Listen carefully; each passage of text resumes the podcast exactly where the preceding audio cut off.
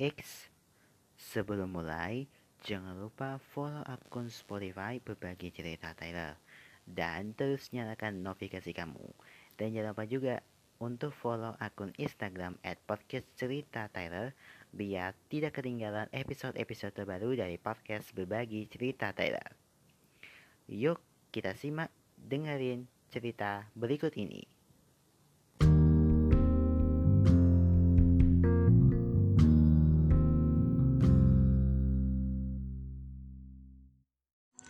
Assalamualaikum warahmatullahi wabarakatuh. Selamat sahur Sahur. Bagaimana kabarnya hari ini? Semoga kami harapkan dalam keadaan sehat selalu Tetap semangat Menjalani aktivitas. Apa sih menu sahur kalian hari ini? Kami temani anda dengan cerita menarik Seputar bulan Ramadan Serta kajian tips-tips Dan juga yang menarik untuk kita bahas. Di mana lagi kalau buatkan di berbagi cerita Thailand spesial Ramadan. Bersama aku Malika Sabodan dan Tyler King, kami akan hadir menemani bulan Ramadan Anda dengan cerita menarik, cerita inspiratif dan juga kajian-kajian dan juga tips-tips dan juga resep-resep juga ya untuk menu berbuka puasa ataupun menu sahur kalian. Nah, kita mau bahas dulu yang pertama dulu ya.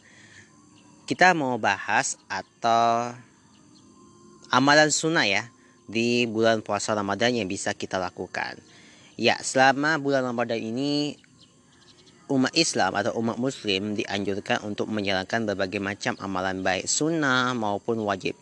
Menjalankan amalan sunnah yaitu bulan puasa Ramadan akan mendapatkan pahala dari ibadah wajib.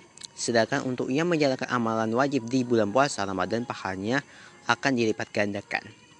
Nah, berikut ini adalah amalan sunnah yang di bulan puasa Ramadan yang bisa dilakukan. Yang pertama, melakukan sahur. Dalam hadis wilayat Al-Bukhari diriwayatkan dari Anas bin Malik radhiyallahu anhu bahwa Rasulullah Shallallahu alaihi wasallam bersabda, "Bersahurlah kalian karena pada santap sahur itu ada keberkahan. Rasulullah juga bersabda bahwa makan sahur merupakan berkah dan dianjurkan untuk tidak meninggalkannya.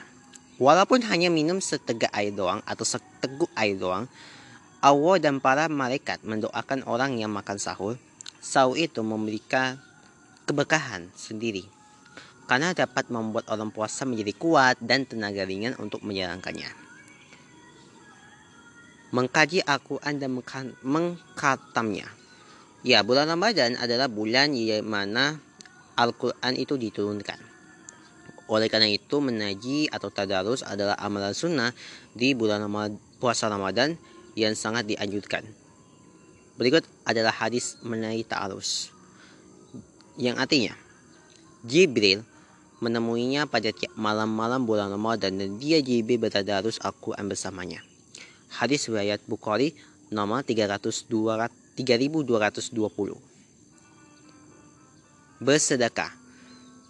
Bersedekah di bulan Ramadan ini juga merupakan kegiatan rutin yang dilakukan oleh Rasul. Kedemawaan beliau diibaratkan seperti angin berhembus.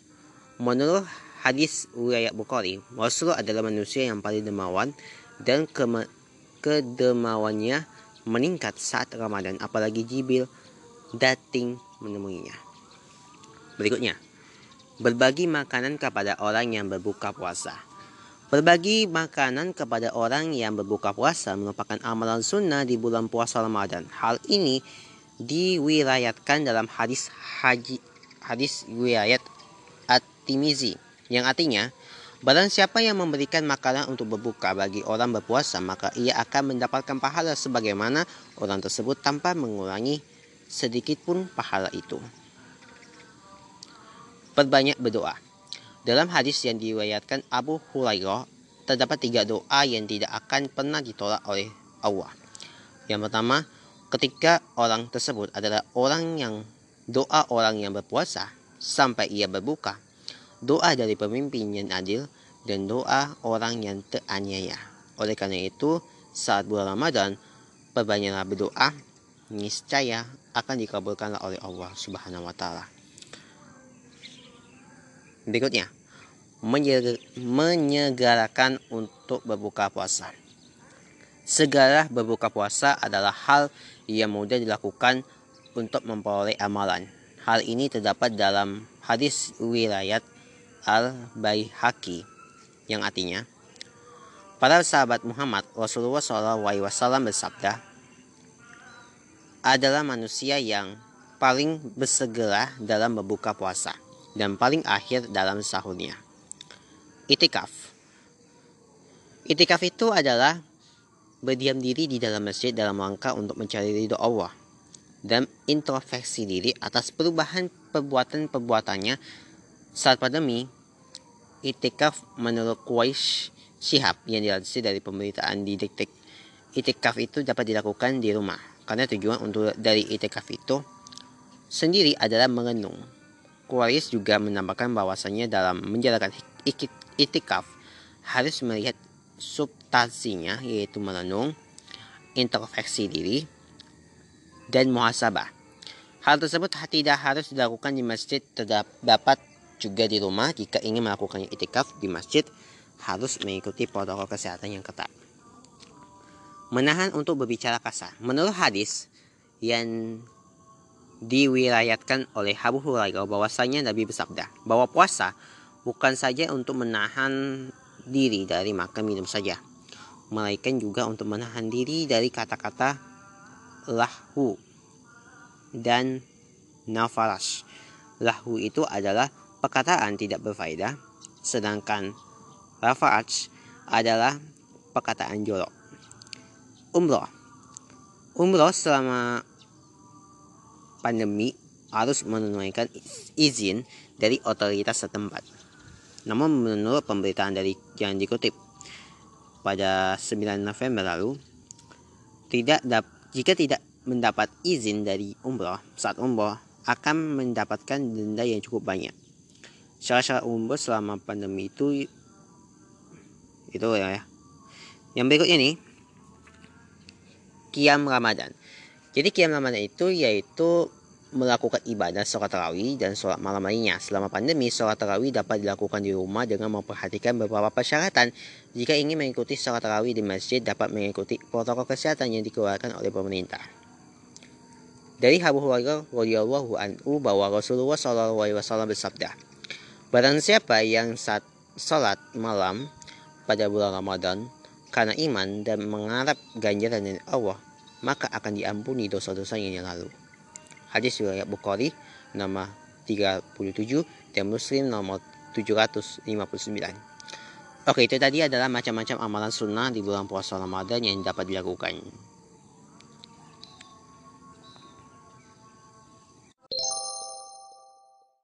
Assalamualaikum warahmatullahi wabarakatuh. Waalaikumsalam. Kita ketemu lagi di podcast Berbagi Cerita Tyler Yang selalu memberikan informasi serta hiburan tentang bulan suci Ramadan Yang sudah kamu dengarkan di Spotify. Ada aku Matai Rasa Putra Baiklah, kita hari ini kita akan membahas tipe-tipe orang saat puasa Kamu masuk yang mana nih? Nadi dalam menjalankan puasa, setiap orang punya caranya masing-masing. Beda orang pasti punya beda tipenya. Terus tipe orang saat puasa apa aja sih? Nah, yuk kita simak 10 tipe orang satu puasa. Kamu termasuk tipe yang mana nih? Yang pertama tipe pengamat. Tipe pengamat ini benar-benar pengamat yang rajin. Iya, rajin mengamati jam, selalu melihat jam untuk mengecek apa waktu berbuka sudah dekat atau belum. Yang kedua tipe berimajinasi. Kalau yang ini muncul ya dalam imajinasi itu ya makanan atau minuman segar. Cuma itu saja yang selalu muncul dalam imajinasi orang bertipe ini. Selalu terbayang nanti pas buka pakai makanan apa ya atau minuman apa ya. Hmm. Berikutnya tipe ngiler.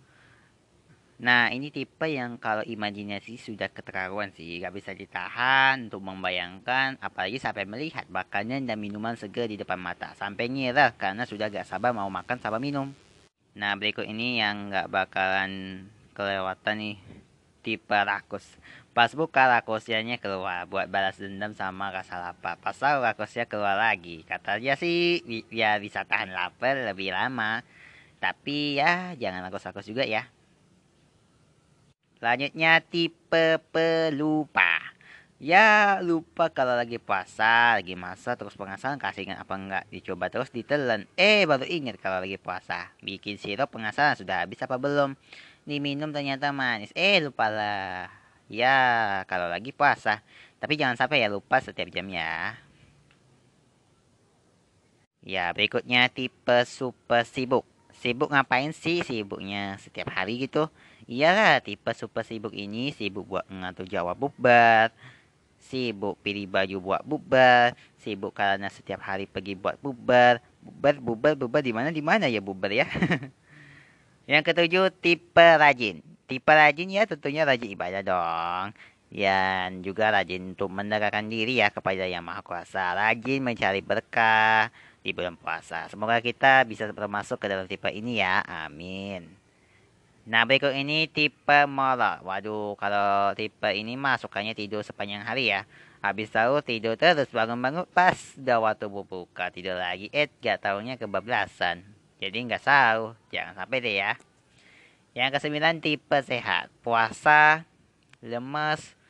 Untuk tipe sehat sih tidak dong. Karena mereka tiap melakukan kegiatan olahraga selain untuk mengisi waktu luang, tentunya memberi manfaat sehat buat tubuh kita.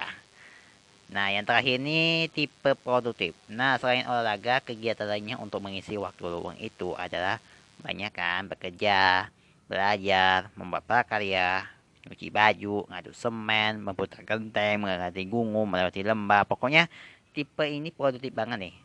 Gak cuma diam-diam aja pas puasa. Nah, udah tahu kan kalau ternyata masuk tipe mana. Walaupun begitu, apa pun tipe kita, semoga puasa kita tetap lancar dan membuat berkah yang banyak ya guys. Oke, kalau tadi kan sudah kita sudah membahas yang namanya uh, amalan sunnah di bulan Ramadan dan sekarang kita akan bikin resep bukaan buka puasa untuk yang simpel-simpel aja ya, yang enak dan juga pengen banget untuk berbuka. Ini adalah resep es pisang hijau. Ya, Memang ya puasa Ramadan ini adalah ibadah wajib yang dilakukan umat Islam antara lain dengan tidak makan dan tidak minum selama waktu tertentu yaitu sejak terbit fajar sampai matahari terbenam selama selama sebulan penuh. Nah, bulan Ramadan ini identik dengan tajil yang merupakan menu wajib saat berbuka puasa. Resep tajil untuk berbuka puasa yang menyediakan menjadi favorit masyarakat Indonesia. Nah, kali ini kita akan bikin resep es pisang hijau. Nah, berikut adalah resep saja untuk buka puasa yang menyegarkan. Bahan-bahannya adalah 8 buah pisang aja, 150 gram tepung beras, 50 gram tepung terigu, 500 ml santan, 100 gram gula, pasta pandang secukupnya, daun pisang untuk membungkus. Untuk bahan-bahan bubuk sumsumnya adalah 100 gram tepung beras, 50 gram gula, 50 500 ml santan, 2 ikat pandan, setengah sendok teh family.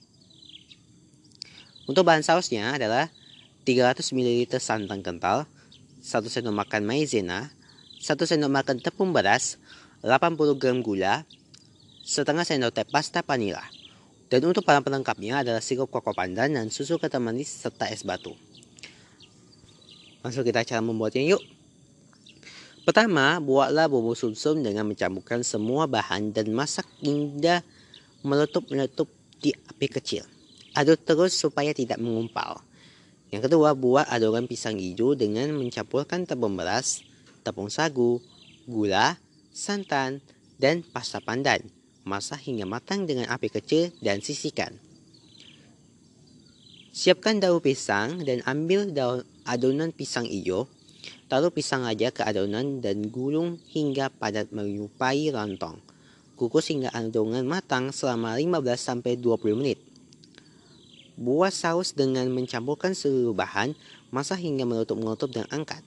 Siapkan mangkok dan masukkan pisang is, pisang hijau, saus, dan es batu secukupnya. Lalu disiram dengan susu kental manis dan sirup koko pandan. Es pisang hijau siap disajikan. Oke. Nah ini ada resep lagi nih yang patut banget untuk dicoba. Kita akan cari resep es belewah yang sehat dan menyegarkan.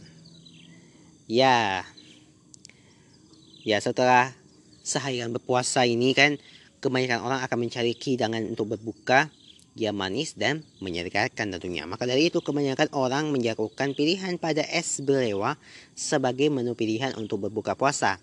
Karena selain menyegarkan, es belewa ini juga mengandung vitamin yang berguna bagi tubuh. Es belewa ini juga dapat dibuat dengan panduan resep es belewa yang disajikan dalam artikel berikut. For your information nih guys, belewa ini menjadi salah satu buah yang banyak dipilih sebagai campuran es buah. Rasanya yang manis dan kandungan gizinya yang bermanfaat bagi tubuh membuatnya cukup menjadi prima dona di berbagai kalangan. Buah belewa yang dapat ditemukan dengan mudah di pasar tradisional dan toko buah juga menjadikan buah belewa ini menjadi hidangan yang dapat kita dapatkan di mana saja. Bahan-bahannya, satu buah satu buah belewa ukuran kecil, satu sendok makan, uh, satu sendok teh biji selasi, gula pasir secukupnya, air, sirup cair secukupnya, nada koko, dan es batu. Nah, belah buah belewa menjadi dua buang dan buah bijinya ya. Setelah itu, serut serut belewa dengan menggunakan alat serut lewat atau dengan menggunakan garpu. Kemudian, redam sebentar biji selasi dengan air hingga bijinya itu terendam secara keseluruhan. Campurkan buah belewa yang sudah disurut, nada tado koko, dan juga biji selasi yang sudah direndam air. Masukkan bahan yang ke dalam wadah es yang sudah disediakan. Masukkan es batu ke dalam wadah yang sudah dicampurkan buah. Rebus air dengan gula pasir untuk membuat gula cair. Rebus sebentar hingga gula larut dan jangan terlalu lama. Kemudian, masak masukkan gula cair dan sirup secukupnya. Cicipi agar tidak terlalu manis. Nah, es bewa siap dihidangkan. Gimana? Mudah kan membuatnya dan selamat mencoba ya. Oke, kita sudahi dulu episode kita kali ini di dengan cerita menarik dan resep-resep dari kita. Dan sampai jumpa lagi di berbagi cerita Thailand Ramadan berikutnya.